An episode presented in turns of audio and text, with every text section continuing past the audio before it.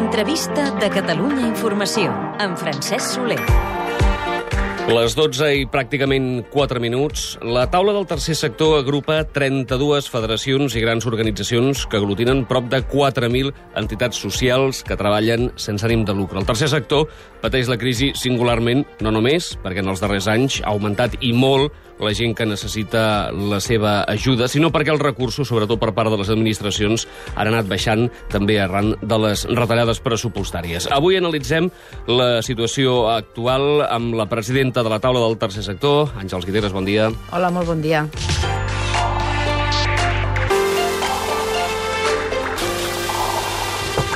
Senyora Guiteres, moltes de les entitats que agrupa la taula del tercer sector estan pendents de cobrar factures de la Generalitat o d'altres administracions. Els farmacèutics han fet un tancament patronal i manifestació per exigir que els paguin. Sembla que finalment aquests pagaments arribaran. A vostès també els arribaran, aquests diners? Sí, finalment, doncs aquesta és una part de, de diners que estava pendent del, de l'ICO, no? de que poguéssim doncs, desbloquejar aquests, aquest pau a proveïdors i també les entitats socials doncs sembla que finalment, perquè ho esperàvem molt abans, el dimecres, a partir de la setmana vinent, doncs aniran fent efectius aquests pagaments. Parlàvem dels farmacèutics, segurament ha estat la protesta que tenim encara més present en el temps, també perquè hem conegut molt a fons la seva problemàtica, no? fins al punt que hi ha moltes farmàcies que la seva viabilitat està amenaçada per aquests deutes. En el cas de les entitats del tercer sector, és tan greu també la situació? Sí, la situació és molt greu perquè a nosaltres també ho hem donat a conèixer moltes vegades, no? El que s'està produint és que cada dia hem de fer front a més necessitats, per tant, doncs, eh, en aquest sentit ja s'ha de donar molts serveis i hem anat sumant endarreriments en el pagament cap a les entitats socials, que són també aquests endarreriments que també hi problemes de tesoreria té l'administració pública, es traspassen directament a la tresoreria i als problemes amb les entitats, fins a arribar a xifres doncs, eh, globals de, nosaltres estimàvem ara fa uns mesos, d'uns 900 milions de deute, no? Quan aquests diners no arriben de les administracions, d'on es treuen? Perquè vostès segueixen prestant igualment els serveis. Sí, nosaltres doncs, em, funcionem com qualsevol organització i hem de planificar les nostres despeses i, per tant, doncs, el que hem de fer doncs, treballar en finançament extern, amb fons propis i eh, doncs, eh, poder ajustar al màxim els nostres plans de tesoreria. En aquest sentit, la principal dificultat és que es van sumant els endarreriments, com et deia, hi han deutes doncs, des de l'any 2010, a vegades, i el que necessitem, sobretot, i el que demanem a l'administració és que puguem planificar els pagaments, no? que ens puguem planificar els cobraments perdó, de, de tota aquesta deuta. És a dir, que comencin a arribar els diners, però a banda que hi hagi un calendari clar, també, de com aniran eh, arribant aquests diners, no? com es aniran vencent aquests deutes. És imprescindible per poder tenir vi viabilitat en el dia a dia.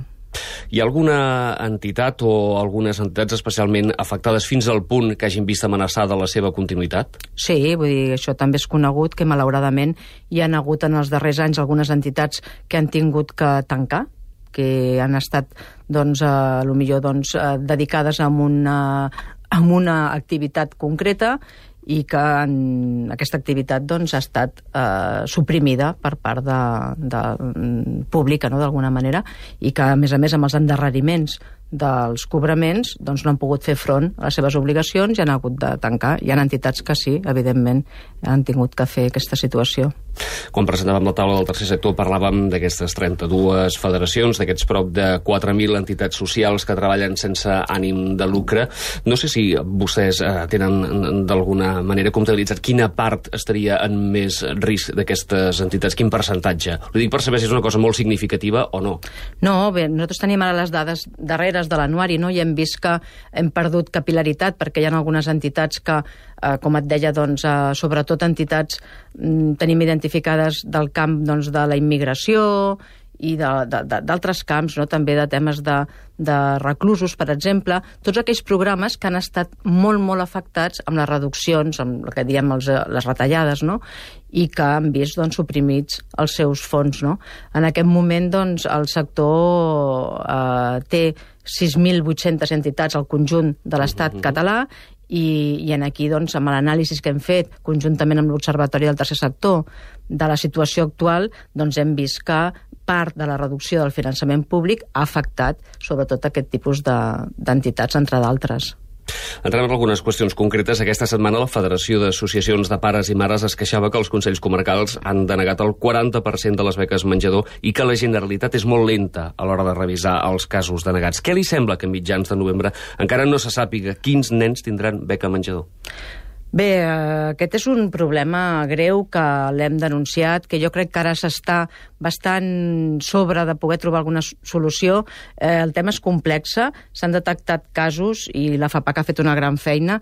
Jo crec que és la situació de que són els consells comarcals i que hi ha molta diversitat, perquè crec que tenim uns més de 40 consells comarcals i que hi ha diferents criteris de cada consell comarcal per decidir doncs, en funció de la renda, si tu ets una, un cas que tens aquesta beca o no, crec que, com et deia, doncs, ahir, per exemple, estàvem parlant amb la consellera Irene Rigau, també amb Benestar Social, amb la consellera Neus Munté, i que creen una comissió, una comissió de coordinació perquè des d'un sol en, d'alguna manera, doncs es busqui la, la, la via pràctica perquè no quedi cap cas eh, sense tenir aquesta, aquesta beca menjador, que això és el que tots volem, no? i el que mm-hmm. d'alguna manera hem de eh, viabilitzar perquè així, així sigui, no? S'ha de reorganitzar i coordinar en aquest sentit aquesta comissió que es pugui detectar tots aquells casos que ho necessitin. Això és prioritari. Els pressupostos de la Generalitat per l'any que preveuen un augment de la partida per la renda mínima d'inserció que passa dels 100 als 173 milions d'euros, però en canvi també preveuen que hi haurà 4.500 beneficiaris de la llei de la dependència menys. Sí, això és aquesta dissonància no? que tots els ciutadans coneixem, que per una banda doncs, es, mm, el govern diu bueno, és que són uns pressupostos molt socials perquè el 71% de tot el pressupost eh, doncs va amb la via d'aquestes partides, hi ha increment en partides de lluita contra la pobresa, aquesta renda mínima d'inserció, però eh, què passa? Doncs que la mateixa administració tot plegat no, ha vist reduït molt i d'una manera molt significativa els ingressos per tant, doncs, eh, les necessitats són majors, els ingressos s'han reduït i tot i que aquest 71% està en polítiques socials, hem de veure, per exemple, que en benestar social tenim més de 250 milions de menys en mhm. comparació al pressupost 2012. I clar, tot això d'algun lloc s'està traient. tot això vol dir menys programes, menys serveis, que sí o sí s'hauran de deixar de donar i ja s'estan deixant de donar des de fa un temps i que també doncs, afecta a les entitats socials que moltes d'elles estan doncs, fent prestació d'aquests serveis cap a les persones. La Generalitat ha autoritzat als geriàtrics a reduir hores d'atenció. Hi haurà menys hores de fisioterapeutes, treballadors socials, eh, psicòlegs, educadors... És un pacte que han firmat les patronals del sector i l'Institut Català d'Assistència i Serveis Socials.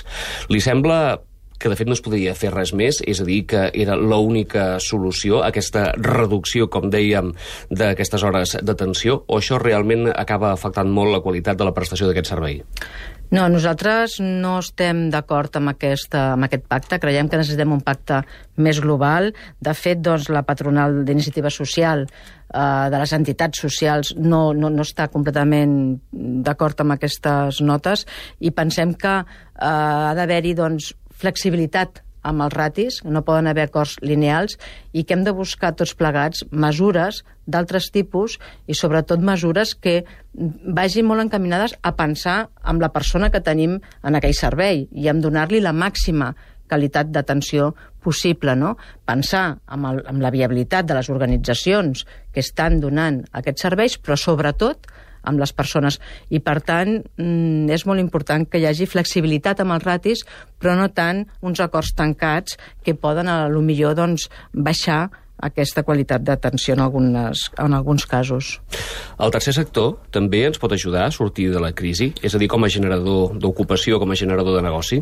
Sí, això és molt important, perquè a vegades doncs, hi ha com la idea no, de que bueno, aquestes entitats que demanen que, que, que, que, bueno, que se'ls dona subvencions, doncs no, vull dir, el tercer sector social és que és clau, és clau, primer, perquè les entitats socials estan fent front d'una manera molt important a, a la crisi, no? I segon, perquè hem de veure tota la feina de polítiques socials, que molta part la fan al 100% les entitats socials, com generadora de creixement econòmic, de desenvolupament econòmic. Per què? Doncs mira que la majoria de, de, de qüestions que es fan de serveis que es donen a les entitats socials van destinades a les persones. I són persones que atenen a persones. I cada 100 euros que tu eh, has de gestionar des d'una entitat social, 80 com a mínim és ocupació crees ocupació. Ocupació amb, doncs, amb eh, personal des de treballadors familiars, enfermers, psicòlegs, educadors, bueno, treba treballadors que atenen auxiliars, a les geriàtrics, que tenen aquestes persones amb aquests serveis. Per tant, el tercer sector social és generador d'ocupació i també doncs, de solidaritat, d'aquesta cohesió social que eh, al voltant dels voluntaris i voluntàries que també s'apropen per estar a prop de, de les persones, doncs tot plegat eh, fa que hi hagi un coixí, que és aquest coixí tan important que tenim, sobretot aquí a Catalunya, aquí a casa nostra, amb una gran diversitat mm -hmm. al territori, no? a prop d'on estan passant les necessitats. Som a 2013, òbviament un moment marcat encara per la crisi econòmica, aquesta crisi que sembla que servirà ja una, una sortida més o menys propera. No sé, vostè, senyora Guiteres, com veu el, el, el país i, de fet, el paper del tercer sector en aquest país, per exemple, a 10 anys vista? Bé, jo en el moment actual mm, la situació la veig encara molt, molt, molt negativa, no? tot i que no ens agrada ser no sé, positius, però la veig negativa perquè crec que l'orientació de les polítiques continua estant en una orientació que portarà més contracció econòmica i, per tant, doncs, els ingressos seran difícils, aniran caiguent, com estem veient amb aquests pressupostos, ja en parlàvem abans, i, per tant, doncs, eh, jo crec que fins que no hi hagi un canvi de, de polítiques i un gran pacte social que recuperi aquest estat del benestar, de situació, doncs jo crec que hi ha un desequilibri i uns guanyadors i uns perdedors, no? Però en el futur penso que també s'està doncs, instaurant molt més aquest treball mm, de la corresponsabilitat i que també passa per les entitats socials i d'anar molt més a la una l'Estat, les administracions, els governs, amb el tercer sector social, mm -hmm. amb la força de la ciutadania, de la ciutadania organitzada, amb que replantegem aquest empoderament de cadascú de nosaltres perquè siguem protagonistes de com volem les coses, de com volem la, la, la societat, de com volem els recursos, no? I de com volem estar en una societat més igual i amb més justícia social. I això jo crec que ho treballarem molt més conjuntament sense, aquesta, sense aquest divorci que hi ha hagut entre administració i tercer sector social mm -hmm. i entitats, no? I anirem molt més de la mà i hem de buscar doncs, eh, aquest nou model social plegats. No? Crec que el futur l'hem de lluitar, no ens el regalaran, i hem de lluitar per un canvi en aquesta línia. Una darrera reflexió al present, senyora Guiteres, perquè ahir Brussel·les va rebutjar el pressupost d'Espanya. La Comissió Europea demana un ajust addicional de 37.000 milions d'euros pel període 2014-2016. Li preocupa que això s'acabi traduint en noves retallades, encara? Bé, això és molt preocupant, perquè aquestes línies polítiques que venen d'Europa, i aprofitant ara que hi haurà les eleccions europees, jo crec que hem d'incidir cap allà, i tots plegats, no?, perquè canvin aquestes polítiques.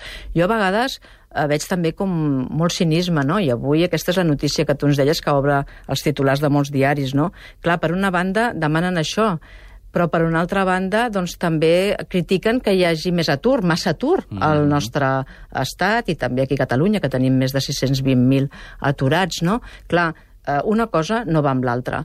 O, o podem fer eh, polítiques de creixement, polítiques, de, en aquest cas d'inversió social, que a més donaran entrarem en un cercle virtuós amb el qual doncs, podrem tenir més ingressos i realment reduir aquest dèficit que ens exigeixen, o ells saben perfectament que això és anar escanyant, anar escanyant, anar escanyant, i que sobretot va al patiment de, de les persones com tu i com jo, dels nostres veïns, de les nostres famílies, dels nostres amics, dels nostres companys, i que això té uns límits.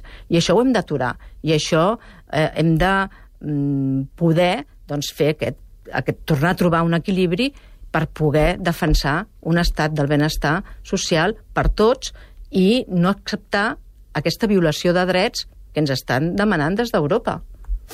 Estem acabant, senyora Guiteres. Eh, vostès estan a les portes d'un congrés. Sí, això és molt important per nosaltres. El dia 27 de novembre, 27, 28 i 29, però el 27 a la tarda, a les 5 de la tarda, en el, en el fòrum, en el centre de, internacional de convencions, doncs inaugurem aquest congrés, que és una crida una crida a totes les entitats del tercer sector, però també a la societat, a dir nosaltres aquí estem, nosaltres volem explicar i participar i interaccionar entre nosaltres per saber què estem fent com estem i què, què necessitem fer pel futur. I també és una crida doncs, això, a la identitat, a les aliances amb l'administració i una crida a la ciutadania a implicar-nos en que sense que les administracions públiques defugin de la seva responsabilitat, hi ha una responsabilitat social que cadascú de nosaltres doncs, també l'hem de, de portar endavant i en aquest moment doncs, també molt en un sentit molt de lluita per aconseguir més drets socials i avançar amb igualtat. És el missatge avui des de la taula del tercer sector, aquesta corresponsabilitat i aquest desig de futur d'una major i millor cooperació entre la societat civil i les administracions. Molt bé, correcte. Senyora Guiteres, gràcies, molts èxits. Gràcies a vosaltres.